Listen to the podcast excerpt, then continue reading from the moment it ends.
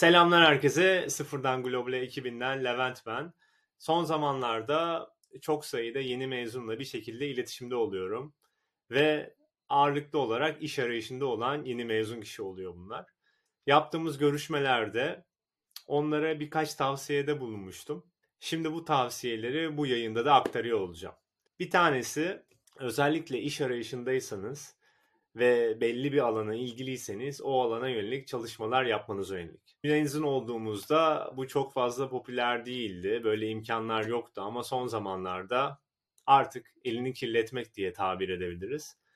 Mezun olmadan önce belli bir alana yönelik çalışmalar yapmak değerleniyor. Mesela sosyal medya üzerine çalışmalar yapmak istiyorsunuz.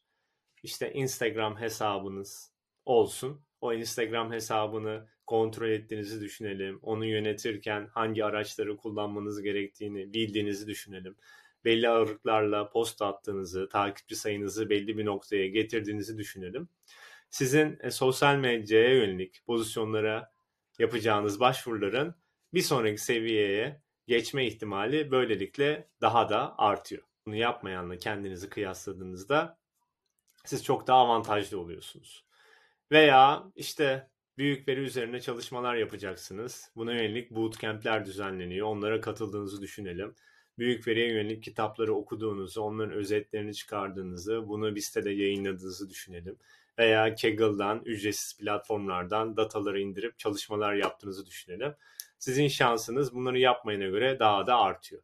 Yani birisi büyük veriye ilgiliyim dediğinde karşı taraf artık ilgiliysen ne yaptın diye sorular sorabiliyor. Siz de bunları söyleyebilirseniz oradaki şansınız daha da artabilir. Şimdi ikinci konu şu.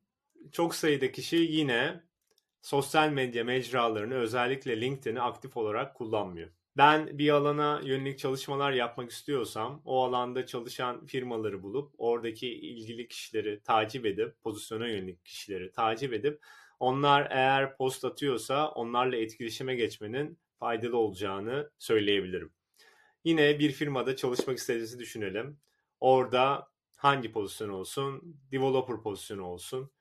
Başka developerlarla önceden iletişime geçip o developerlar sosyal medyayı aktif olarak kullanıyorsa onların attığı postların altına kendi görüşlerinizi yazıp karşı tarafa en azından varlığınızı aktarmak çok daha değerli olacaktır sizin için. Çünkü herhangi bir iş görüşmesinde o kişi sizi böyle sima olarak tanıyacaktır. Buna yönelik bir tane Sıfırdan Global'i de podcast'ta yayınladık.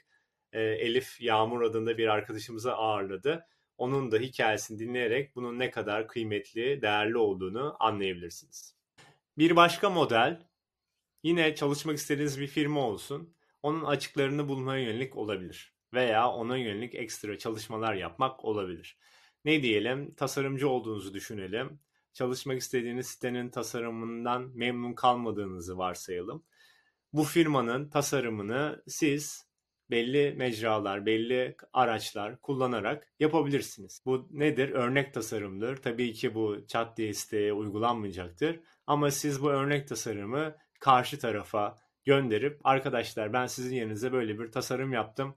Beni bu pozisyon için değerlendirirseniz sevinirim tarzı bir şey yazdığınızda bir tık daha avantajlı olacaksınızdır. Çünkü onlar için emek sarf ettiğinizi göstermiş oluyorsunuz. Bazı arkadaşlarımızın iletişim kaslarının zayıf olduğunu gördüm. İletişim kasları aslında iş görüşmelerinde önemli kendinizi ifade edebilmek için.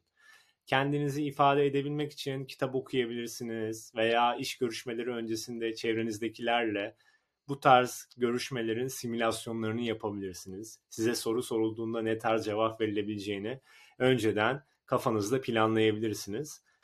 Bir diğer konu CV ve bu firmaların istediği case study'ye yönelik. Eğer CV ve case study'yi vaktinde teslim edemiyorsan mutlaka karşı tarafa bunu söyle ve vaktini aşabileceğini aktar.